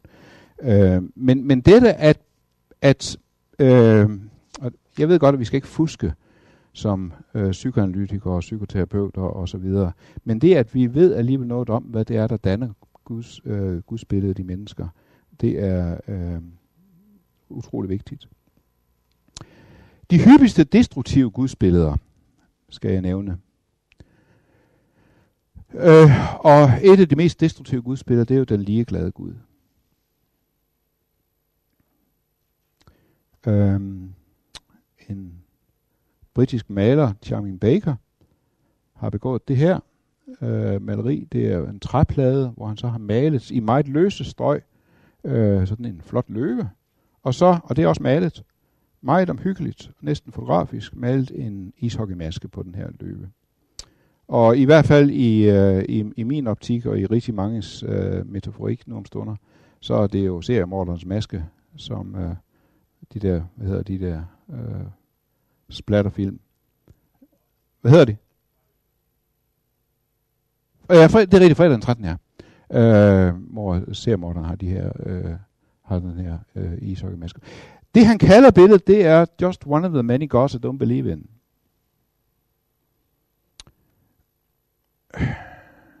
Og det kan jeg da godt forstå. Jeg tror heller ikke på sådan en Gud. En, en stor, flot løve. Øh, Judas løve. Men som seriemorder. Øh, jeg er fuldstændig enig med ham, og jeg, jeg er også ateist øh, på alle andre guder end lige en. Øh, jeg tror, jeg, jeg er ateist på næsten lige så mange guder, som Charmin Baker er. Jeg har kun en eneste undtagelse, og det er Kristus. Øh, han er min Gud. Men, men, men folk har jo grunde til at se sådan en Gud for sig. Jeg ikke sidde og rette i, jamen det er forkert. Hvorfor har du det billede af Gud, som du har, at, at du oplever Gud som ligeglad, at du ser Gud som ligeglad? Og finde bibeltekster, ikke som taler om, ikke som modsiger den erfaring, men som udtrykker den erfaring. Ikke finde bibeltekster, som modsiger den, men som udtrykker den. Der er masser af bibeltekster, Salmernes bog for eksempel, Jeremias, klagesangene, som taler om, ah, om ikke så meget klagesangene, men ellers som taler meget om, om oplevelsen af Gud som ligeglad. Øhm. Det kan være den kraftesløse Gud. Øhm. Det er for eksempel den, vi oplever i fremgangsteologien. Det billede af Gud, der er i fremgangsteologien, hvor Gud i sig selv ikke har nogen kraft, ud over den, jeg så med min bøn og min åndsfylde kan tildele ham. Øh, det er op til den bedendes kraftfulde bøn at tildele den svage Gud den, øh, den kraft, han selv øh, mangler, som bliver i stand til at, øh, at handle. Det kan være den mistænksomme Gud. Øh, og det er måske det øh, billede, hvor det er lettest at se indflydelsen fra forældrebilledet. Øh, Gud under mig ikke glæde, eller han under mig kun ophøjet åndelige glæder. Han finder sig ikke i, at anden, han skulle betyde noget for mig. Den lunefulde Gud, det er, man har sagt, at, og jeg tror også, det er rigtigt, at øh, en ting er værre end forældrenes ondskab, det er deres lunefuldhed. Man aner ikke, hvor man har ham. Man aner ikke, om det kommer efter, om det lige efter smil kommer en knytnæve. Det er værre øh, øh er billedet en, streng og, en billede af en streng og hård Gud. Forældrenes strenghed eller Guds hårdhed, det er konstant, som man kan forholde sig til. Men Guds lunefuldhed, det gør, at relationen bliver flakkende og utryg, og jeg ved ikke, hvor jeg har ham. Man har forstået til mig måske for eksempel, at øh, jamen, Gud tilgiver, når han er i det hjørne. Men det kunne jo også godt være, at han næste dag faktisk, ja, han har ikke haft det godt. Han har ikke, og, og nu har jeg simpelthen udmattet ham, han gider ikke længere. Og så siger han, nej, nu, nu kan det være nok. Ja, jeg vil simpelthen ikke blive ved at tilgive, fordi du bliver ved øh, igen og igen og så videre. Det kan være skæbneguden. Det er den Gud, som får forsikringsselskaberne til at tale om katastrofer som acts of God øh, eller som, øh, som gør, at vi må underkaste os Gud. Øh, rigtig mange, rigtig mange kristne sjæl så er islamisk i sin grundtone, at jeg må underkaste mig skæbne, jeg må underkaste mig Guds vilje. Det må være Guds vilje. Øh, heldigvis er det her vers kommet ud af, det stod i den gamle hjemmestoner. Jeg tror, det er at takke Guds vej og nådens vej, gå stejlt op, bare Guds barn klager. Vel gør vi så? Op ad døren, ned ad stolper, klager vi. Og det er vi bibelsk ret til.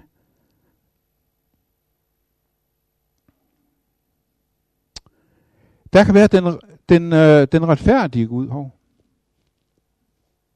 Den retfærdige Gud. Ikke i, ikke i den paulinske betydning af Guds retfærdighed. At han er nådig i sin retfærdighed, at han er retfærdig i sin nåde.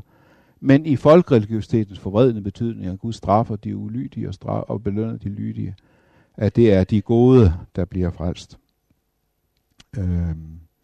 Hvis, hvis I snakker om for eksempel fortabelsens mulighed, så kan I være stangsikker på, at ikke bare folkreligiositet, men også rigtig mange præster, hører jeg sådan, at I taler om helvede som de onde. Det kan jo roligt gå ud fra. At de hører sådan, at, at helvede, det er det sted, hvor de, hvor de, hvor de onde øh, lander. Og derfor så er det jo selvfølgelig en form for fordømmelse at tale om, om fortabelsens mulighed. At I faktisk taler om, at øh, det er de selvretfærdige, det er faktisk der kommer i helvede, og ikke, ikke tolleren. Det er der rigtig mange, der slet ikke er klar over. Og derfor igen, vi tæller med sit, hver, sin, hver sin Gud. Øhm, og så er der det, det sidste øh, destruktive billede, den milde altid velvillige Gud. Hvilket jo lyder sært, fordi det er jo ikke ligefrem sådan et vrængbillede af Gud, som folk kommer og græder over i sjælsorgen. Men det er naivt. Mennesker lider altid under falske gudsforestillinger, også selvom de er meget populære. I det lange løb, så er det destruktivt. Og I kommer til at rydde op efter det. øh, det sidste eksempel på Guds masker, Guds billedet, det sidste Guds billede, det er sten. Skabte Guds eget billede, nemlig. Gud må have en syg sans for humor. Nej, han er ikke sporsyg. Sten er fuldstændig ret. kan kigge sig i spejlet og sige, cirka sådan ser Gud ud. Øh, jeg ligner Gud. Øh, det er også en god påmindelse for sjælsorgen, at jeg sidder over for en Guds afbildning.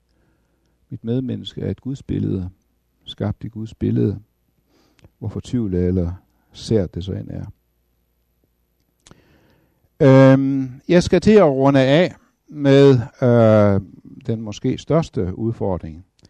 Øh, hvordan formidler jeg et evangelium, som i sin eneste kerne er stødende og i ordets bogstaveligste forstand skandaløst? Det er jo skandaløst. Nu skal I lige se en skandale.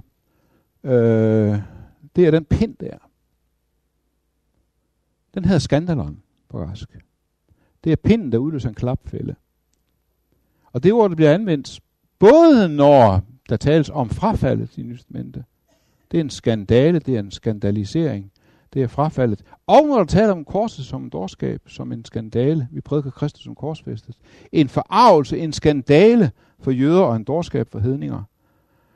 Og Matthæus, der siger Jesus, der skal mange falde fra, eller skandaliseres, de skal udlevere hinanden og have hinanden. Og det er fuldstændig vildt, at det ord, der i Nyt bliver anvendt om, om, om blasfemien, om, om frafaldet, at man vender Gud ryggen, falder fra, det anvender Bibelen samtidig om Guds evangelium, om skandalen som en skandale.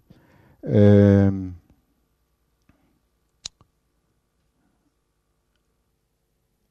jeg vil prøve, og det er lidt syret, øh, syre, en lidt syret metafor, et sort hul. Alle, som er interesseret i science fiction eller astrofysik, ved, hvad et sort hul er. Øh, det er sådan en astronomisk øh, dims, øh, der opstår, når en, en sol, der er øh, otte gange større end vores sol, eller større, den brænder ud, så kollapser den og bliver så tung og så tæt, at den bøjer rummet og tiden ind over sig selv. Intet kan undslippe det der sorte hul. Den der, det er så voldsom en, øh, en tyngdekraft, øh, at, at selv lyset kan ikke slippe ud øh, fra den, og rummet øh, bøjer sig ind imod det. Øh, og det er sådan et sort hul. Og øh, de normale naturlove, den gode gamle Newton, de fungerer jo herude, på god afstand af det sorte hul. Men når man nærmer sig centrum, så bliver tingene forvredet. Op bliver til ned, og ned bliver til op, og naturlovene gælder rigtig længere.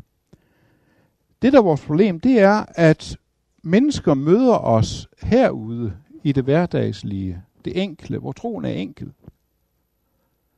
Men centrum ligger herinde.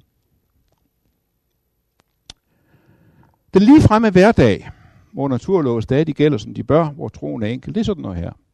At mit problem er skam, ikke skyld, det kommer jeg igen ind på, det kommer ind på på torsdag. Lidelse er lidelse, og lidelse er ond. Det er til at forstå. Det er enkelt. Sådan er det. Gud er nær, når han føles nær, ellers ikke. Brød og brød og vin og vin. Mere er der ikke at sige om det. Vand med snavs af, det er også nemt. Det, der går godt, er godt, og det, der går ondt, er ondt. Og når jeg er svag, er jeg svag, og når jeg er stærk, er jeg stærk. Den, der redder sit liv, redder det, og den, der mister det, mister det. Loven gør selvfølgelig faldet mindre, budene får folk til at holde op med det pjat opføre sig ordentligt. Og de lykkelige prises lykkelige. Særligt er de lykkelige. Og den voksne er den vise. Og Gud er simpelthen stærk, og glæden er det største. Sådan er det herude. Og det er der, mennesker møder os. Det er der, de kommer. Og det er de her enkle svar, de spørger efter, og hvordan, øh, øh, hvordan, hvordan svarer Det er her, hverdagen er. Og rigtig mange sjælsørger befinder sig vældig godt der, fordi det er enkelt, det er nemt. Der, der, der kan vi række evangeliet som, tør, som vand til den tørstige. Jeg kan stille din længsel. Men der er altså så også forkynder, som har for mig fart på, og vil ind til centrum, ind i korset. Øh, og øh, det bliver til en slags, øh, de har for mig fart på, det bliver til en slags bagvendt mærsk. Det bliver til utidig omhu. Øh, I stedet for at spørge, som Jesus, hvad skal jeg gøre for dig? Og det er da sin sag at gå ind i det sorte hul, hvor det omvendte Guds rige er, hvor hverdagens love ikke længere gælder, hvor troen er bagvendt og skandaløs, hvor ikke glæden, men kærligheden er det største. Og mit problem er skyld og ikke blot skam. Gud græder i vuggen ved en grav over Jerusalem. Brød og vin er ikke længere bare brød og vin, men Jesu læme og blod. Vand vasker ikke snavs af, man synd er. Døden bliver en vinding og ikke længere en fjende. Og når jeg er svag, er jeg stærk. Hvordan i vidste verden kommer jeg derhen? Og kunne spørge et menneske, kunne det tænkes, at du aldrig har været stærkere end nu? Gud kan føles fjernest, når han er nærmest. Sorg gør lykkelig. Særligt er det sørgende. Og det værste virker sammen til det gode. Den skyldige frifindes, den uskyldige gørs til synd og straffes. Guds mening er skjult. Barnet er den vise. Sønder går ind i Guds rige før de rene og Gud udånder. Ude i periferien er glæden vigtigst. Det er først inde i centrum, at kærligheden bliver vigtigst, hvor troen bliver vigtigst. Og det betyder ikke, at den, hvis liv er tungest, er nærmest Gud. Det her det er ikke sådan et mål for Guds nærhed. Det er åbenbaringsteologi. Men det handler altså om, at hverdagen, jamen det er ikke satans rige, det er Guds skaberværk. Det er Guds øh, ja, omsorg, som den kan mærkes og føles. Og der er noget unaturligt over, over, over, over Guds rige. Der er noget, noget unaturligt over Guds rige, hvor op er ned og ned er op. Korsteologi, det er noget midlertidigt.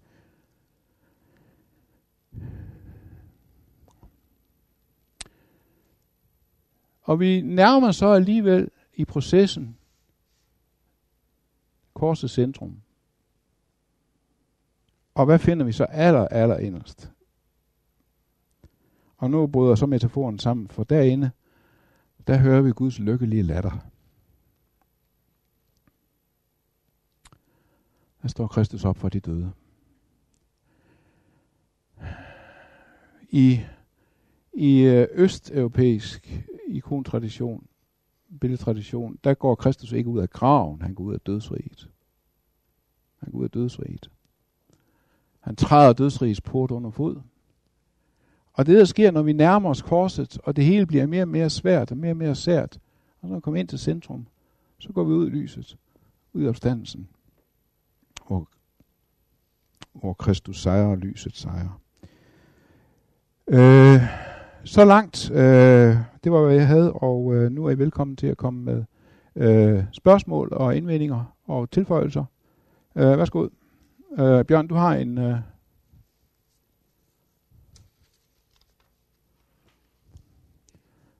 jeg skal måske lige, hvis jeg kan finde det. Øh, her øh, for, for nogle år siden øh, på øh, et andet teolkursus, der anvendte jeg øh, Kirkegård, så, øh, nej, Per, per Kirkebys øh, Anastasis øh, billeder nede fra øh, ned fra auditoriehuset ned i øh, Universitetsparken, hvor man går ind i, øh, og, så, og så kommer det her fantastiske værk op af dørene, og nej, øh, øh, op, op af væggen og op af, af øh, øh, altså af loftet op af væggen, og så øverst op der kommer... Og jeg, jeg, jeg, jeg læste det dengang, som, som jeg en vesteuropæer jo gør. Opstandelse, det må, så går man vel opad. op af jorden og ud af... Øh, så man går der ind i, øh, i øh, øh de her... Øh, øh, øh, ind i de der porter der, og så, øh, har, så går vi ind i, ind i jorden og, og, og så videre. Men, men i, i, øh, han, han, han tænker jo byzantinsk, han tænker jo østeuropæisk. Man begynder øh, oppefra. Man, man skal faktisk gå op ad alle etagerne, mens man ikke kigger på noget. og, så, og, så, og så begynder op fra, og så går ned gennem jorden. Golgata er øverst oppe. Og så bevæger man sig ned ad trapperne, ned gennem jorden. Ned forbi sådan en odring, en, en, øh, en golgetabjælke, øh, og gennem kors, forbi, passerer korskiler, og så begynder sådan en flod af blod ned over. Øh, og, og, og så drejer den ind på, på loftet på den nederste øh, etage, og der er kistelåg, der er trærødder, der er sådan nogle store kraftcentre nede i jorden. Og, og, og så går man ud i lyset. Det, er, det er byzantinsk opstandelse. Og det det, ja, jeg fik vendt det på hovedet, øh, fordi jeg tænkte vesteuropæisk. Ja. Spørgsmål? Indvendinger?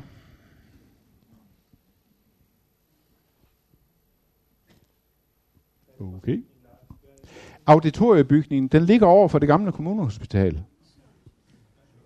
Øh, hvad hedder den? Søauditoriet, ja. Søauditoriet. Altså, man kan bare gå ind, øh, og så, og så øh, øh, man skal altså ind i, ja, det er ikke kælderen, men uh, nederste etage. Man skal ned nogle trapper, så går man ind i nederste etage, og så op.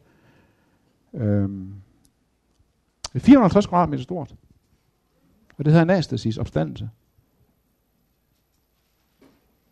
Med, med øverst oppe nogle af, noget af det mest øh, øh, ja, hvad hedder det, naturalistiske, men man nogensinde har set kirkeby. Man kan faktisk se fødderne, og det nederste er korset øh, op på Golgata.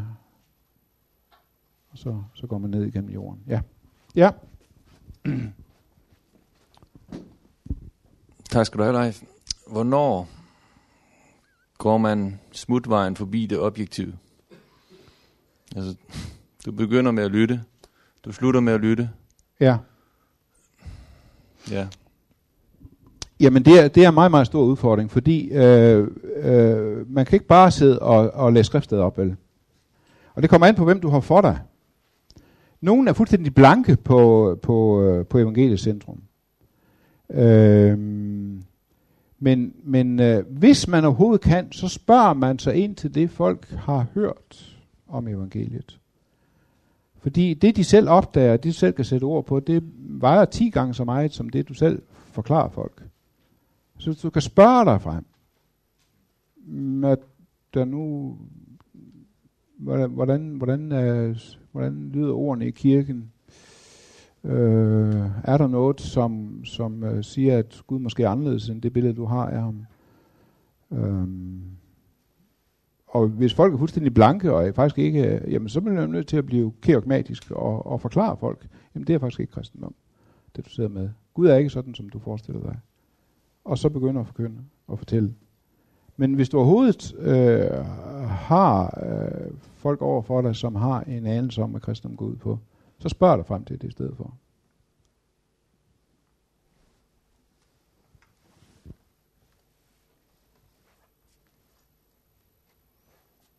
Ja, Ingrid. Hvordan undgår man den her vending tilbage til det Hvordan undgår man, at den der vending tilbage til det subjektive bliver på bekostning af, af det ja. objektive? Ja. Altså kan du ikke øh, sætte lidt flere ord på den på der det. øh, proces? Hvad er, det, der, hvad er det, der sker Altså der? man føler sig frem.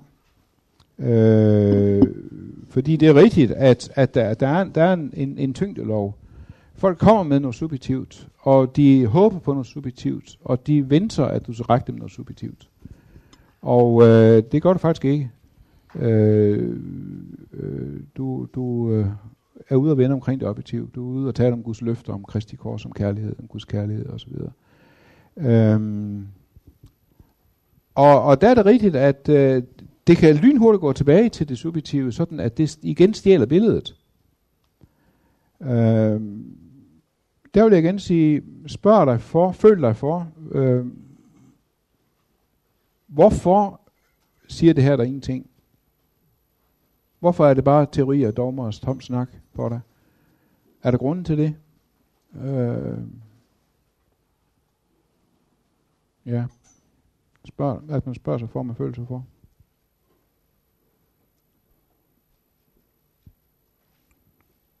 Ja.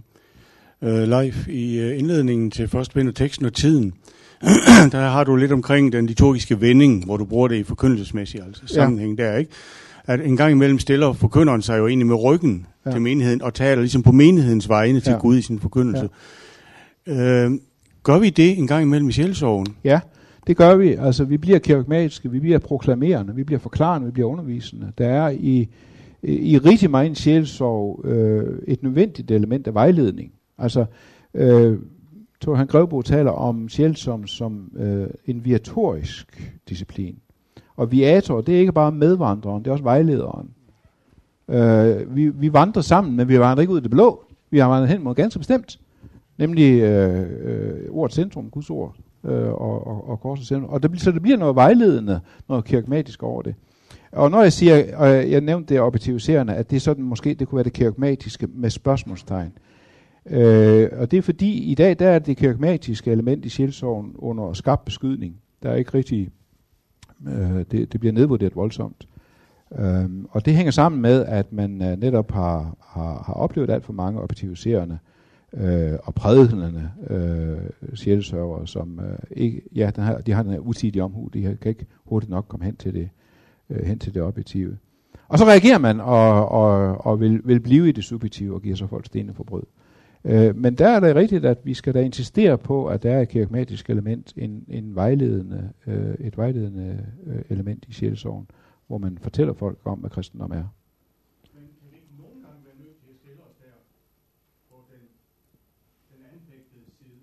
Jo, jo, jo, jo. Nå, øh, du tænker også på det modsat. Ja, øh, jo, at vi, jo, at vi, øh, øh, og, og det, det du øh, henviser til, det er, at jeg i i teksten tiden, så den her liturgiske vending, at vi det ene øjeblik står med, med, med ansigtet mod menigheden og taler på Guds ords vegne. Det andet øjeblik så, øh, vi vender ikke ryggen til menigheden, vi taler mod Gud og på menighedens vegne og sætter ord på, ikke bare jo vores, øh, vores Guds ord, men også vores egne reaktioner, menighedens reaktioner, protester osv., og hjælper øh, folk til at, øh, til at sætte ord på det. Øhm, og det samme gør vi også i sjælsorgen, men altså med en anden balance selvfølgelig. Øh, det her kirkmatiske, den, den, den, den klassiske kirkmatiske øh, sjælsorgsforsker, det var jo Thorneisen, som var, Bart, øh, som var disciple af Bart. Og øh, han har været berygtet for sin definition på sjælsorg, at det er forkyndelse af evangeliet for den enkelte. Forkyndelse af evangeliet for den enkelte. Øhm, og det, det lyder meget monologisk, det lyder meget belærende og meget øh, øh, proklamerende. Øh, Øh, men så har Jørgen Bergstrand, svensk sjælsårsforsker, som på mange måder jeg ligger øh, langt fra, øh, men også har skrevet rigtig meget godt. Han fortæller om, at han som ung sjælsørger og som ung sjælsårsforsker også havde lært at tage afstand, lægge afstand til det kirkmatiske og, og, og, og kritisere Turnejsen og sige, at, øh, at det var alt for proklamerende, alt for, for forklarende osv. Så er han så en dag i USA, og han, øh, han underviser, og han holder foredrag, og, og, og så kommer han også ind på det her, det kirkmatiske element i sjælsorgen, øh, og siger, som man gjorde, at øh, det var alt for proklamerende og alt for forklarende, det her kirkmatiske element. Så rejser en gammel mand sig op og siger, jeg var øh, medlem af Turneisens menighed. Og en af de ting, alle kunne fortælle i Turneisens menighed, for det var, at ingen kunne lytte som Turneisen. Og så går det op for Jørgen Bergstrand, at Bergstrands definition forudsatte, at man havde lyttet og givet sig god tid til det. Før man satte ord på det objektive på det proklamerende osv. Øh, så altså, der, der fik han et mere nuanceret billede på det kirkmatiske element i, i sjælsorg. Ja. Leif, du nævnte, at, øh, at Lutherdom ja. ikke er en reformation, han har sagt det også, men det er en sjælesorgsbevægelse i stedet for. Jeg har ofte tænkt over, når man bevæger sig ud i den engelsksprogede verden, jeg savner nogle gange ord for det, som vi bruger, når vi taler om sjælesorg, er ja. med alt det, som, altså, som ja. du nu har sagt og læst osv. Ikke også? Men er det her vores lutherske contribution til, øh, til den større kirke, at vi her har nogle... Øh, altså en, en forståelse for, for, for det her, som man ikke på samme måde finder i en, i en reformeret teologi og en engelsksproget teologi? Eller er det bare, ja. fordi jeg mangler ord? Uh, nej, det? Det, det, nej, det er ikke bare, fordi du mangler ord. Altså, øh, der, der, der er noget, øh, som, som, som bare ikke ligger i, i engelsk. vi har, de har ikke et ord for anfægtelse på samme måde, som vi har for eksempel. Jeg skal kaste mig ud i lange forklaringer for at bruge, forklare, hvad vi mener med anfægtelse. Øh, øh, altså, de som har meget mere føling med, med reformeret teologi og reformeret kirkeliv, end jeg har, de kan meget bedre svare på det. Men min fornemmelse er, at der er det først og fremmest noget, der føjes til reformationens arbejde, som er en sådan genoprettelse af kirken. Øh, det, og, og, og, og det kan blive øh, ganske fremragende sjælsorg, man, man, man, øh, man øh, udfører der. Øh, og vi kan lave utrolig meget af det. Men, men i den lutherske reformation, der er det ikke bare noget, man får til. Det er selve hjerteslaget i, i den lutherske reformation. Det er, det er sjælsorgen. På en anden måde, tror jeg, en, en, øh, og, og det, det hævdes jo, at sådan en som Calvin, som jo var en fremragende reformator, aldrig forstod anfægtelsen hos Luther. Øh, det var simpelthen ikke det der problem for ham. Og når man taler om Luthers trosformodighed, at den er trøstet fortvivlelse, øh, så tror jeg virkelig, at vi er inde ved kernen i, i den lutherske reformation. Ja. Ja, Børge? Jeg siger den, den lige, øh, ja. ja. Øhm, øh, det der med at gå tilbage til det subjektive, altså nogle gange kan man så øh, opleve, jamen øh, der er ligesom ikke helt hul igennem, men vedkommende er i, i nød, og så har jeg nogle gange øh, næsten lyst til, og også en gang imellem næsten foreslået, at hvis ikke du kan tro det nu, så, øh, så skal du vide, at øh, mm. det kan du komme til. Ja. Og jeg bærer ikke det, du gør, men jeg kan, jeg kan tro. Ja. Og jeg vil gerne tro, et lille stykke tid for dig. Altså på den ja. måde, at man kan gå ind og agere ja. en form for basis, hvor ja. vedkommende ikke selv ligesom tør. Ja, rigtigt. Men, men altså, ikke at man kan ja. tro for en anden dybest set, men Nej, i den situation ja. kan man ja. bære det menneskes tro. Altså det svarer mig til, at rigtig mange, øh, rigtig mange deprimerede har oplevet, at, at, at det, at nogen kunne fortælle mig, at, at en dag kommer du ud af depressionen, det, det gjorde for, altså, at der, også, der, der kom ikke lys, men der kom i det mindste håb om ja, lys. Og, og, og, og det, er jo, det hænger jo sammen, undskyld, det hænger jo sammen med, at, at det kognitive element er, er foragtet i dag i troen.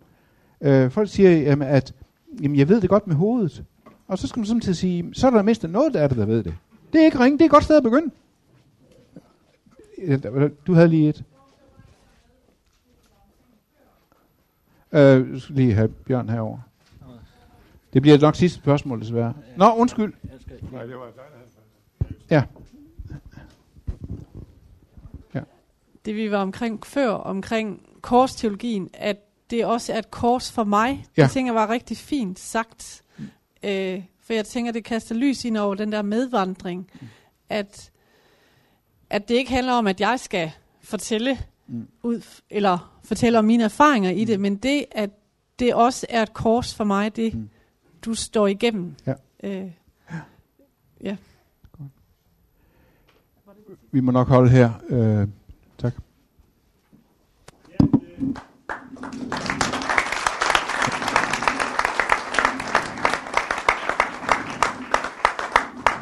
mmm,